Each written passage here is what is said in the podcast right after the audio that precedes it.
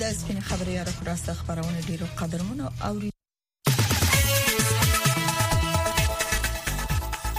دا واشنگتن دی تاسو د امریکا غږ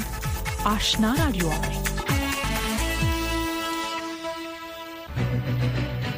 قدرمن اوریدونکو السلام علیکم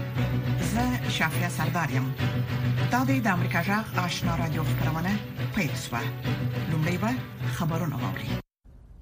السلام علیکم درنو اوریدونکو تاسو خبرونه اورئ د پاکستان په خواني صدر اعظم عمران خان او په افغانستان کې د طالبانو حکومت د پاکستاني مقاماتو هغو سرګندونو ته سخت خبرګون خوولې چې ویلي دي په پاکستان کې په ترهګرۍ کې افغان اتباع لاس لري او ګواښ کړی چې اسلام آباد کولای شي د افغانستان په خاور کې عملیات وکړي د پاکستان د بهرنیو چارو وزیر بلاول بوټو زرداری بل ورځ په اسلام آباد کې وی غونډې ته د وینا په مهال ګواښ وکړ چې د افغانستان د خاورې نه د پاکستان په ضد د کېدونکو ترګریزو بریدونو مخاونه نیول شي نو پاکستان بیا د اختیار لري چې په ترګرو پسې افغانستان ته نه نوځي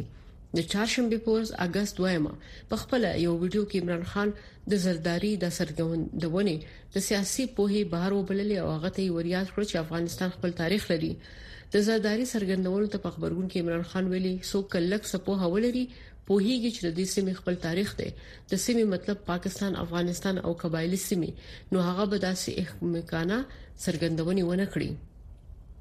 د یادونې وړ د خاغلی شریف د باجوړ د سالمرګي برید د قربانیانو سره د لیدو په مهال په افغانستان کې د طالبانو د حکومت نو غوښتل چې د پاکستان خاورې ته د سخت دریزو د ورتګ د مخنیولو لپاره نور اقدامات وکړي د پاکستان د بهرنیو چارو سلاکار وزیر حنا ربانه کر وايي د طالبانو حکومت ته داسې اسناد او شواهد سپارلي چې په پاکستان کې په ترګریزو بریدونو کې د افغان اتباع لاس لرل په ګوته کوي نوموړي د چهارشنبې په ورځ د آج نیوز ټلویزیون ته وویل چې افغان اتباع باید له ویزې پرته دغه هیواد ته داخل نشي ځکه د دې په وینا دا ډول کسان په ترهګریزو پیښو کې لاس لري کر ویل داسې شواهد چې افغانان په ټیرریزم کې لاس لري افغان حکومت طالبانو ته سپارل شوې دي یو افغان وګړی پاکستان ته په صحیح ویزه راغلی او معلومه شوې چې هغه په ټیرریزم کې لاس لري د شنبه په ورځ پاکستان په باجوړ ښار کې په ځانمرګي برید کې د شپږ پنځوس کسانو د وژل کېدو او 200 نور د زخمی کېدو وروسته د پاکستان صدر اعظم شهباز شریف تور پوري کو چې افغان اتباع په پاکستان کې په ځان مرګو بریدونو کې لاس لري متحده ایالات چې طالبان په رسمیت نه پیژني او د دې ډلې په مشرانو بندیزونه لګولي په پرله پسې توګه د طالبانو د رژیم د نسکورولو لپاره د خپل یو شمېر پخوانیو افغان متحدینو غوښتنې رد کړې دي د افغانستان د پخواني ولسمشر مرستیال عبدالرشید دوستم چې په 2001 کال کې د طالبانو د حکومت په نسکورولو کې د امریکا د ځانګړو ځواکونو ملاتړ کړو تیرونو ادعا وکړه چې امریکا ورسره مرسته وکړي کولای شي د طالبانو د بیا نسکورولو لپاره کافي ځواکونه راجلب کړي لکه لګ دوه پخواني افغان جنرالانو سمي سادات او خوشحال سادات څو میاشتې په امریکا کې تیرې کړي چې د طالبانو په ضد د احتمالي جګړې لپاره د پخواني پوځیانو وکیلانو او نورو ډلو ملاتړ ترلاسه کړي خو د غوښتنو په خبرګون کې امریکا حکومت جواب څرګند نه دی دا هم یو بیړنی خبر د متحده ایالاتونو په خوانی ولسمشر ډونالد ټرمپ د پنځشنبه په ورځ اگست دویم د امریکا د 2020 کال د انتخاباتو د پایلو د بدلولو د هڅې په تور د واشنگټن ډي سي یو فدرالي محکمې ته حاضر شو دا تور د متحده ایالاتو د عدلی وزارت د تحقیقاتو برخه ده چې تمرکز د خغلی ټرمپ په هغه هڅو دی چې غوښتل د متحده ایالاتو د ولسمشرۍ د ټاکنو نتیجه بدل کړي د امریکا د عدلیې وزارت د معلوماتو لمخې د ډونالد ټرمپ محاکمه د واشنگټن ډي سي په وخت د مازیګر د سلور بجو وروسته په داسې حال کې پیل شو چې په ښار کې سخت امنیتي تدابیر نیول شوي وو د روسیې د امنیت شورا مرستيال او دغه هواد په خواني ولسمشر ډیمټري میډویف وايي د روان کال له پیل تر اوسه د روسیې د پوز په لیکو کې 211 زره ډیر سرتیري ګمارل شوي د 2022م کال په فروری کې په یوکرين د پوځي يرغل او د هغه هوا د زینو برخو لنیولو وروسته روسیې سکهال د یوکرين د حمله ضد عملیاتو د مخنیوي او د نیول شوو سیمو د ساتلو په هدف پراخ پوځي کمپاین پیل کړي مجویف ویل د دفاع وزارت د منوریدونکو د دولت په چارو کې د پاکستان د بهرنیو چارو د وزارت وزیر هینا رباني کار او د بهرنیو چارو وزیر بلاول بوټو زرداری په ګډون ځینې پاکستاني چارواکو ادعا کړې چې د پاکستان په وروستیو نامې کې افغانان ښکیل دي او ادعا کوي چې په دې اړه په افغانستان کې د طالبانو له حکومت سره شواهد شریک کړي دي خو د طالبانو د حکومت ویاند ذبیح الله مجاهد پرون په یو ټویټ کې د افغانستان د امنیتي وضعیت په اړه د پاکستاني چارواکو تورونه رد کړي دي او بیا اساس یې بللي دي مجاهد زیاته کړې چې اسلامي امارات هیڅ چاته اجازه نه ورکوي چې د افغانستان خاوره د بل هیواد پر ضد وکاروي نور هم پر پټو ساحه د دوی ملکیت چې په ایران د ملکیت ادعا کړې او ویلي دي چې په دې ساحه کې به د غازو سپړل ته دوام ورکړي دغه سمندري ساحه چې په ایران کې د آش په نوم او په کویت او سعودي عربستان کې د دورا په نوم پیژندل کیږي د اوګدې مودې راهیسې د دغو دریو هوادونو ترمنځ د شخړې اصلي نقطه ده کویت او سعودي چارواکو په یو غټه اعلامیه کې ویلي چې واځي دوی په دې سیمه کې د زیرمو د استخراج بشپړ حق لري قدر منو اوریدونکو دا خبرونه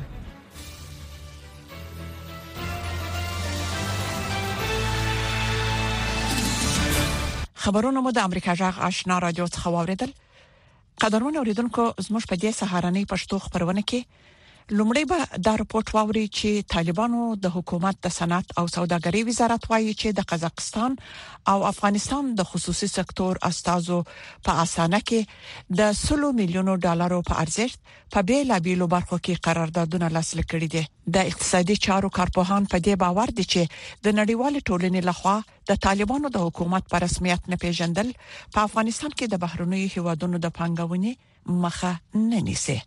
په دې باره کې د کابل څخه اکرام شنواری رپورت لري د طالبانو د حکومت د صنعت او سوداګرۍ وزارت وایي چې د افغانستان او قزاقستان د خصوصي سکتور د اساسو ترمنځ په استانه کې د چهارشنبه په ورځ د دواړخیزي غونډې په پای کې د 100 میلیونو ډالر څخه د زیاتو پیسو پر ارزښت په مختلفو برخو کې قراردادونه لاسلیک شوي دي دغه وزارت وایند اخوندزاده عبدالسلام جواد د پنځمې پورس رسنیو ته په وسولې اعلامیه کې ویلي چې دغه قراردادونو د لاسلیک سربېره په اسانه کې د افغان قزاقستان د سوداګرۍ د اتصال غونډه هم جوړه شوې و چې پکې دغه وزارت سرپرست نورالدین عزیزی په مشرۍ یو پلاوی او لوړ پوړو قزاقي چارواکو ګډون کړی دی غونډې ته نورالدین عزیزی په خپل وینا کې د منځنۍ او جنوبي اسیا ترمنځ د افغانستان په موقعیت خبرې وکړې او ویل چې د طالبانو د حکومت بهرنۍ پالیسی یو اقتصادي محوره پالیسی ده چې پکې د ګاونډیو سیمې او د نړۍ د هیوادو سره په اړیکو کې د افغانستان اقتصادي ودې او سوداګرۍ ته ډیره پاملرنه کیږي اراده و عزم سیاسی محکم در حکومت نسبت به اهداف اقتصادی، تجارتی دو جانبه و منطقوی وجود دارد. ما امیدوار هستیم که از موقعیت ژئواکونومیک افغانستان به نفع افغانستان و منطقه استفاده بهتر صورت بگیرد. ښاغلي عزیزي په خپلو خبرو کې د قزاقستان افغانستان پانګوالو او سوداګرو ته بلنه ورکړه چې افغانستان ته لاړ شي او په دغه هیواد کې په ځنګړي ډول د کانونو په سکتور کې پانګونه وکړي هغه د طالبانو د حکومت له پلوه پانګوالو ته د پانګې اچونې په برخه کې د لازم اسانتیاو د برابرولو ژمنه هم وکړه د افغان کزاک د سوداګرۍ د اتصال غونډې ته د کزاکستان د حکومت چارواکو هم خبرې وکړې کزاکستان صدر اعظم مرستیال او د سوداګرۍ وزیر د روان کال د اپریل په میاشت کې افغانستان ته سفر کړی او افغانستان د قزاقستان څخه په زیاته اندازه غنم واردوي چې دغه هېواد ته د قزاقي غنمو واردولو وروسته د پاکستاني غنمو د افغانستان اتکا ډېره زیاته کمه شوې ده استانه ته د طالبانو د حکومت په تللي پلاوي کې د خصوصي سکتور یو شمېر استازي هم شامل دي د صنعت او سوداګرۍ وزارت په اعلامیه کې ویل شوي چې د سوداګرۍ اتصال په غونډه کې د بانکدارۍ ترانسپورت ترانزیت مخابراتو انرژۍ صادراتو او وارداتو د ادارو د ګډې خونې استازي او هم د خوراکي توکو کالینو او لاسي صنایعو، کرهڼیزو محصولاتو، قیمتي او نیمه قیمتي ډبرو او د ساختماني چارو استازو ګډون کړی و. په دغه اعلامیه کې د دې غونډې د جوړېدو هدف د دواړو هېوادو ترمنځ د شته ظرفیتونو څخه خبرتیا، د راکړې ورکړې زیاتېدل، ستونزو او ګواښونو ته د حل لار لټول او د دواړو هېوادو خصوصي سکتورونو د استازو ترمنځ همغږۍ زیاتېدل ښودل شوي دي. د اقتصادي چارو ضد افغان کارپوهان د نړیوال ټولنې لخوا د طالبانو حکومت پر ایسپیرت نه پیژندل په دغه هیواد کې د بهرنۍ پانګونې په برخه کې د یو لوی خنډ په توګه ګوري او وایي چې ډیر پانګوال لا هم په افغانستان کې د خپلې پانګونې د راتلونکي په اړه اندېښنې لري د اقتصادي چارو یو افغان کارپوه روح الله احمدزی وایي چې په افغانستان کې د بهرنۍ پانګونې جلبولو لپاره په کور دننه او نړیوال مشروعیت ترلاسه کول ډیر مهم دي هغو اقتدارونو او هغو حاکمیتونو سره چې د خلکو لخوا نه مشروعیت ونه لري د افغانستان د خلکو او نړۍ ورته مشروعیت نه ورکړي زه فکر کوم دا به یو لوی تیروتنه د دغو هیوادونو چې په داسې شرایطو کې له موقعیت نه په ګټې پورته کولو څخه دوی وغوړي پنګونه وکړي او د افغانستان طبيعي زیرمې او هغه سرچینې چې د خلکو مالکیت ده او په حقیقت کې د خلکو د عام د عامه ګټې لپاره د خلکو لپاره باید دا حساب ورکونه ولري د دغه سي پروژو په برخه کې د سیمې د هیوادونو پنګونه او لموقعیت څخه بیا هم سو استفاده چې دوی زر تر ګټه پورته کی په آینده کې به له دوی سره حساب او کتاب خامخا کیږي په ورته وخت کې د صنعت او سوداګرۍ وزارت ویلي چې تیر ورځ د افغانستان او قزاقستان تانک د تولیداتو یو نندارتون هم په استانه کې پرانیستل شوی چې دواړو هیوادو تولیدات پکې نندارې ته ایښودل شوي دي افغانستان په دغه نندارتون کې په پنځه اویا غرفو کې د قیمتي او نیمه قیمتي ډبرو ترڅنګ وچه او تازه میوه کالینې او نور تولیدات نندارې ته وړاندې کړي دي انتظار پای ته ورسید ترنو لیدونکو او اوریدونکو تاسو کولی شئ د امریکا غټ ټلویزیونی او رادیوي خبرونه د یاشار ساتلایت له طریقو وګورئ او واورئ د نوي ساتلایت لارې تاسې د آشنا اتصال او کاروان ټلویزیونی خبرونه کتلای هم شئ د امریکا غږ د افغانستان څنګه خبرونه په 398 پټ چنل او د آشنا رادیوي خبرونه په 398 پټ چنل کې اوریدلای شئ لملتيامو د تل پشان مننه دا د امریکا جغ آشنا رادیو ده او تاسو زموږ د خبرونه اوري د متحده ایالاتو د استازو د جرګې د بهرنوي اړیکو د کمیټې مشر مايكل مک مکال د امریکا له ځنګړو استازو غوښتي چې د طالبانو سره لیده کاته بند کړي نو موري ویل دي چې له طالبانو سره د متحده ایالاتو تعامل په افغانستان کې د بشري وضعیت لږه کېدو سره مرسته نه ده کړې او باید د دغه ډلې سره د امریکایي چارواکو لیدنې بند شي نور حال پر پورت کې ووري د متحده ایالاتونو د اساسو جرګې د بهرنۍ اړیکو د کمیټې مشر مايكل مکال د افغان میرمنو او انجونو او بشري حقوقو لپاره د دغه هیواد د ځانګړي اساسي رینا میری د څرګندونو په جواب کې ویلي دي د میرمن امیری د کار د پیل مخکې مودې په پرتله اوس د افغان میرمنو او انجونو په وړاندې زیات ځپونکي فرمانونه صادر شوي دي. افغانان د امریکا د متحده ایالاتو څخه د نور تعامل غوښتنه نه کوي، ځکه دا تعامل د افغانو میرمنو او انجونو سره مرسته نه کوي او د طالبانو سره په عادي کیدو کې مرسته کوي، دا لیدنې باید بندې شي. مکال په داسې حال کې دا څرګندونې کوي چې د افغانستان لپاره د امریکا ځانګړي استاذ ټام ویست او ځانګړي استاذ رینا میری د جولای په 13 او 11 په قطر کې د طالب استاذ سره وکتل د خبرګونونو په لړ کې د افغانو میرمنو د اعتراضي خوځښتونو ائتلاف د چهارشنبه په ورځ په ویلا مې کې د رینا میری څرګندونو ته خبرګون خودلای او ویلي دي چې د نړیوال ټولنې د تیرو نګدي دوه کلونو مخامخ تعامل د افغانستان خلکو ته هیڅ لاستراوړنه نه درلودلې او یوازې د ځپونکو او جنسیتي تبعیض د رژیم د یوې برخې د مشروعیت سبب شوی دی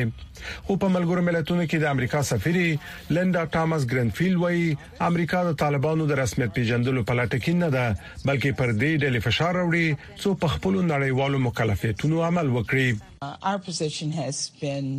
د افغانستان په اړه زموږ دریځ ډیر روښانه دی، په دې باور یو چې افغانې نجونې باید ښونځو ته د تګ اجازه ولري او افغانې ښځې باید کار ته لاړې شي، په دې خاطر مو پر طالبانو فشار راوړی دی، موږ طالبان په رسمیت نه پیژنو، نجونو ته د زده کړو د اجازه د نه ورکولو په دلیل موږ د طالبانو هیڅ ډول ملاتړ نه دی کړی. ګرینفیلډ وویل، امریکا د دوه زره او درویشت م کال د اګست په میاشت کې د ملګرو ملتونو د امنیت شورا نوبتي مشري پر غاړه لري او د بشري حقونو مسئلې ته به رسیدګي وکړي او د افغانستان مسئله به خامخا د لست په سر کې وي. امریکا او د نورې نړۍ ستر ځواکونه حکومتونه هغه سره د دې چې طالبانو د رژیم هغه پالیسيان یې خوښ نه دي خو بیا هم په دې فکر کې دي چې په اوس حالت کې په یو ډول باندې دا چې په افغانستان کې امن ده جګړې وګړه سلسله ختمه شوې ده بیا هم د دغه ټولو پالیسیو خلاف چې هغه د نړیوال ټولنې سره هم قدم نه دي خو بیا هم طالبانو سره یو تعامل غواړي طالبانو واک ته تر رسیدو وروسته پر افغان میرمنو او انجونو د کار او زده کړو په برخه کې پراخ محدودیتونه لګولي دي په داسې حال کې چې په بل هیڅ اسلامي نظام کې دا ډول بندیزونه ساري نه لري خو دوی له اسلام څخه د خپل برداشت لمخې وایي چې هغوی ته د اسلامي اصولو په چوکاټ کې حقوق ورکوي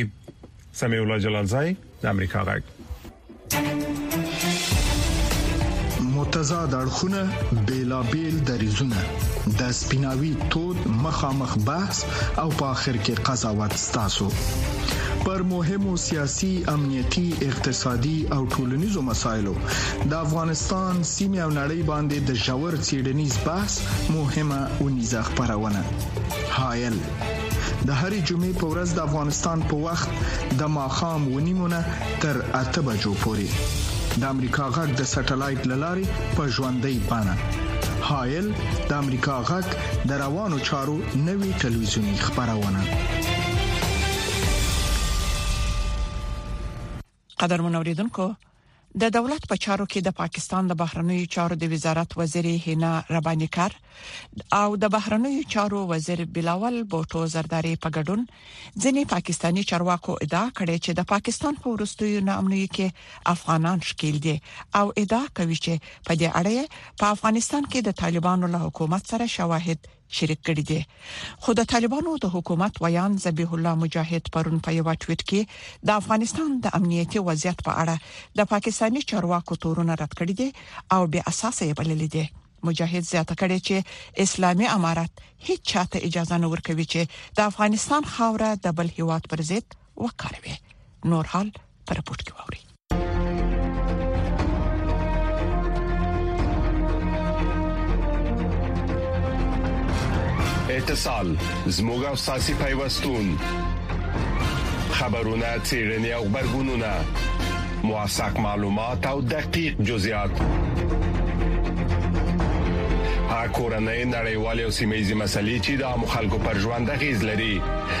ستاسو پوښتنې د چارواکو ځوابونه او د پوهانو سپارښتنې لې یک شنبه تر پنځ شنبه هر مخه په شپږ بجو او دې شو دقیقو له واشنگټن څخه پر ژوندې بڼه د سټلایټ ټلویزیون او ټولنیزو شبکو لاري امریکا جغ آشنا رادیو ده درنوریدونکو پاکستان اقتصادي دهلیز پاکستان او چین د چین لسیزه لمانځي دا پروژه د بیجنګ د نړیوال یو کمربن او یو ویلارې مهمه برخه ده په پاکستان کې د چین د پنګونې اچونې پروژه لشپې 2 میلیارډ ډالر څخه زیاته شوې او پاکستان ته خورا مهم زیربناوي برابر کړي خو د پاکستان د پور پیټي هم لا دروند کړی دی نور حال د سارا زمان په دې رپورت کې ووري ځانګړي مراسم د یادګاری سکی او ټاپی ترڅنګ د چین مرستیا لومړي وزیر ته د پاکستان تر ټولو لوړ ملکی اعزاز ورکول د سی پیک د لسیزې د لمانځلو د مراسمو برخه ده زه فکر کوم چې دا یو لوی بدلون وو او دا د لید، ژمنتیا او ملګرتیا پایله وه. دغه پروژه پر یوه بل د باور او مشترک پرمختګ بیلګه ګرځیدلې ده. دواړه حکومتونه وايي چې چین د دوه زره دیارلسم راهیسې په دې پروژه کې نږدې د پنځه ویشت میلیارډ ډالر پانګونه کړې. دا پروژه د پاکستان د اقتصاد د بیا رغولو او د چینایي شرکتونو لپاره نوې بازار رامنځته کولو لپاره پیل شوې. At that time we had a lot of terrorism. په هغه وخت کې موږ د پراخ تروریزم سره مخ وو، ډیره ګډوډي وه او د پاکستان د پانګونې لپاره د یو غوره ځای په توګه نه لیدل کېده. خو چین په هغه وخت کې په پاکستان باندې خپل باور یو ځل بیا څرګند کړی وو. د پاکستان حکومت وايي، د سي پيک پروژې تر اوسه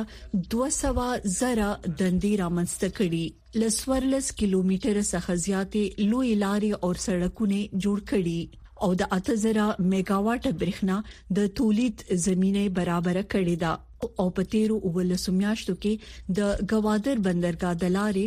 د شپږ سوه زره ټنو توکو ليږد ممکن کړی دی. خو څېړونکي وايي، سي پیک د پاکستان اقتصاد نه دی بدل کړی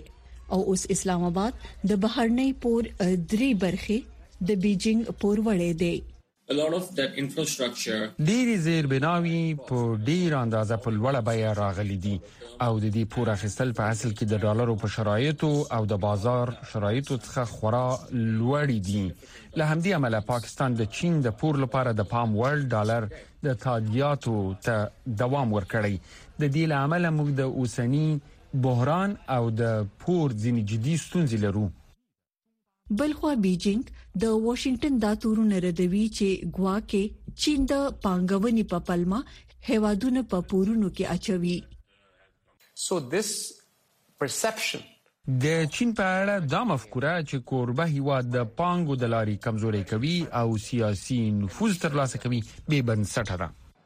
کارپوهان وايي، د سي پیک له لارې د پورونو بار کمولو لپاره پاکستان باید د دې لویې پروژې له لارې ترلاسه شوې انرژي او زیربنا په موثره توګه وکاروي او خپل کورني تولیدات او صادرات پیاوړي کړي.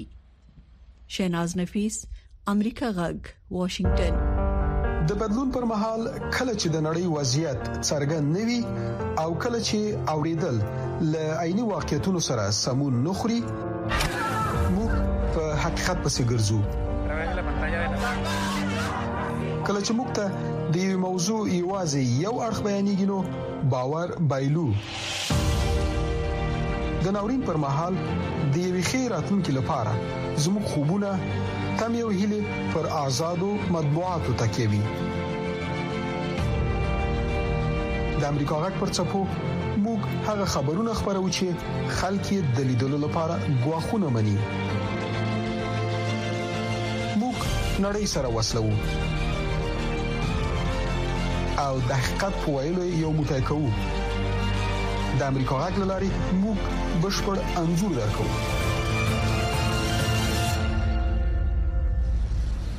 د امریکا غږ آشنا رادیو څخه راپورټونه ته دوام ورکوي پخوانی جمهور رئیس ډونالد ترامپ پرون په واشنگټن ډي سي کې محکمې ته حاضر شو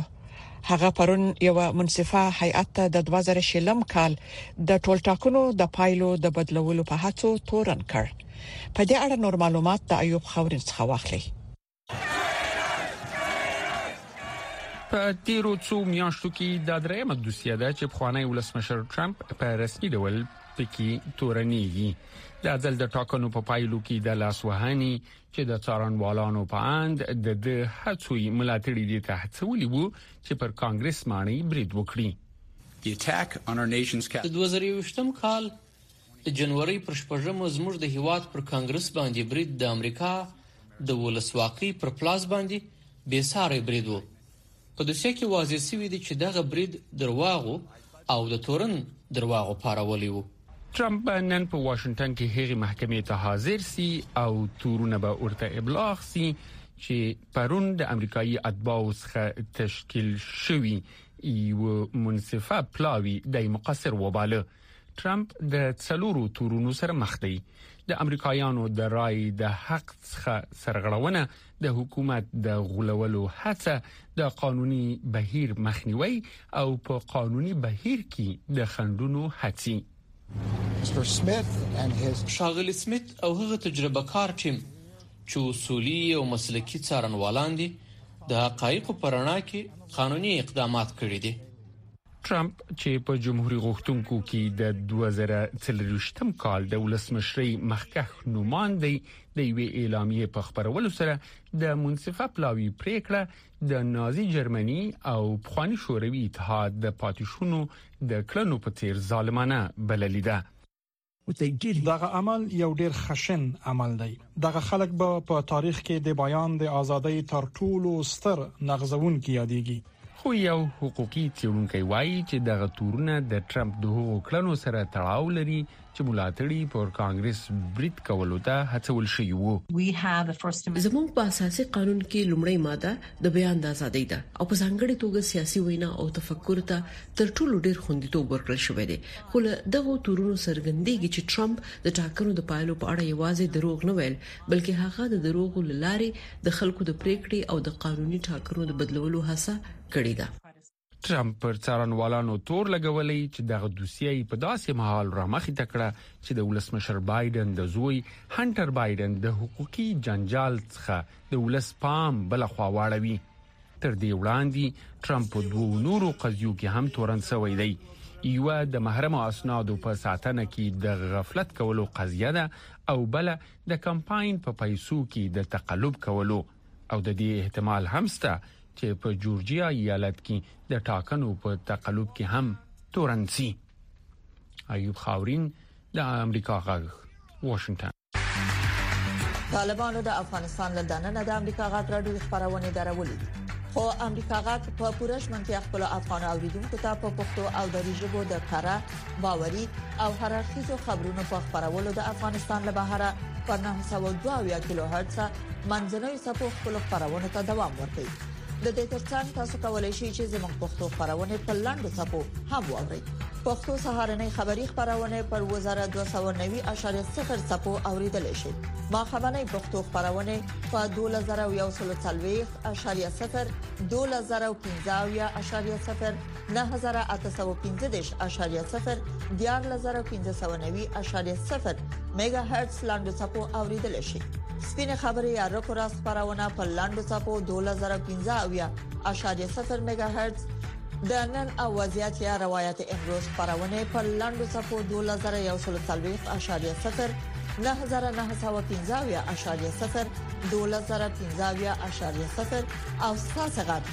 یا صداي شما خبرونه پر لاند سپو 2513.0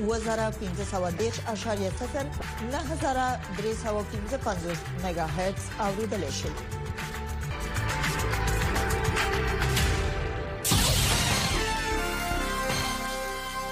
درنو اوریدونکو دا د اوس په یو سرمقاله ووري چې د امریکا د حکومت نظر څرګندوي. د بهرنیو چارو د وزارت نطاق ماتیو میلر وویل، امریکا په اذربایجان کې د مخالف مشر قوباد عبادوګلو بندي کول له نږدې نه څاري. عبادوګلو په بین المللي سطح پېژندل شوی اقتصادپوه دی او په اذربایجان کې د ډیموکراسۍ او د سوکالۍ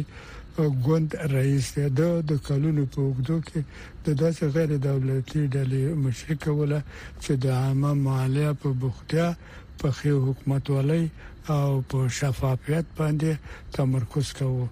د اذربايجان چارواکو په دوه زره څوارلسم کال کې په زور دغه سازمان بند کړ. څه چې څارونکي وايي هغه دا دی چې د داسې تورونو سره مخامخ شو چې هدف يې د سياست پورې تړلی عبادوګلو په دوه زره پنځلسم کال کې اذربایجان پرېښود او په امریکا او په اروپا کې علمي موسسو کې درس ورکاوه. دی په دې تازه وخت کې په برتانیا کې د یوه سازمان د جوړولو سره د مرستې کولو نه وروسته د هغو اذربایجاني ځوانانو لپاره چې په خارج کې زده کړې کوي مرسته وکړي، اذربایجان ته ستون شو. ده اعلان وکړ چې د هڅې لپاره د پیسو اعلان وکړ چې د اذربایجان د حکومت لخوا د اذربایجان له خلکو او اقتصاد نه غلا شوي دي بیرته وګرځول شي. عباد ګلو د جولای د میاشتې په درېیشمه نېټه د باکو نه بهر په داسې حال کې توقیف شوو چې موټر یې چلاوه چې د خپل سیاسي ګوند د ځوانو فعالینو سره ملاقات وکړي. په بله ورځ د محاکمې نه د مخه په ده باندې درې میاشتې او شپږ ویشت ورځې د بند سزا وخېژول شوله او د جعلي پیسو د تولید، لاسته دراوړنې یا خرڅلاو تور ورباندې ولګېده. چارواکو په ده باندې دا تور هم ولګاوه چې د فیت الله ګولن ملاتړ کوي چې په امریکا کې د را سنی مولا ده چې د داسې ډلې مشي کوي چې په چې د ترکیه حکومت ادعا کوي چې دا یو ترستی سازمان ده که په بعد ګلو او تورونه ثابت شي تر 12 کال پورې د باندې سزا ور باندې خېژول کېدای شي، دی ټول هغه تورونه ردوي چې د ده په خلاف لګول شوي دي. په اذربایجان کې د بشري حقوقو په باره کې د بهرنیو چارو د وزارت ډېر تازه راپور د بشري حقوقو په باره کې مهم موضوعات څرګند کړي وو چې په دې کې د حکومت سیستماتیک اداري فساد، بې له محاکمې نه توقیفول، د کسانو په خلاف د محاکمې نه د مخه سیاسي هدف سره بندي کول او د مستقلې قضا سره نفوذ کوونکې ستونزې شامل دي. نطاق میلر وویل، د بادو ګولو د بندي کولو او توقیف کولو په باره کې د تبصرې په ترڅ کې امریکا کلکه ژمنه کړې ده چې د بشري حقوقو او اساسي او اساسي ازادیو لپاره احترام کوي موږ د آذربایجان نه غواړو چې د خپل وادباو بشري حقوق او اساسي ازادي وژغوري چې په دې کې د آذربایجان د خپل اساسي قانون او بین المللي مسولیتونو او ژمنو سره د قبات ایبات القلو موافقه شامله ده. درنو اوریدونکو دا و د امریکا غږ سر مقاله چې د امریکا د حکومت نظر څرګند کړ.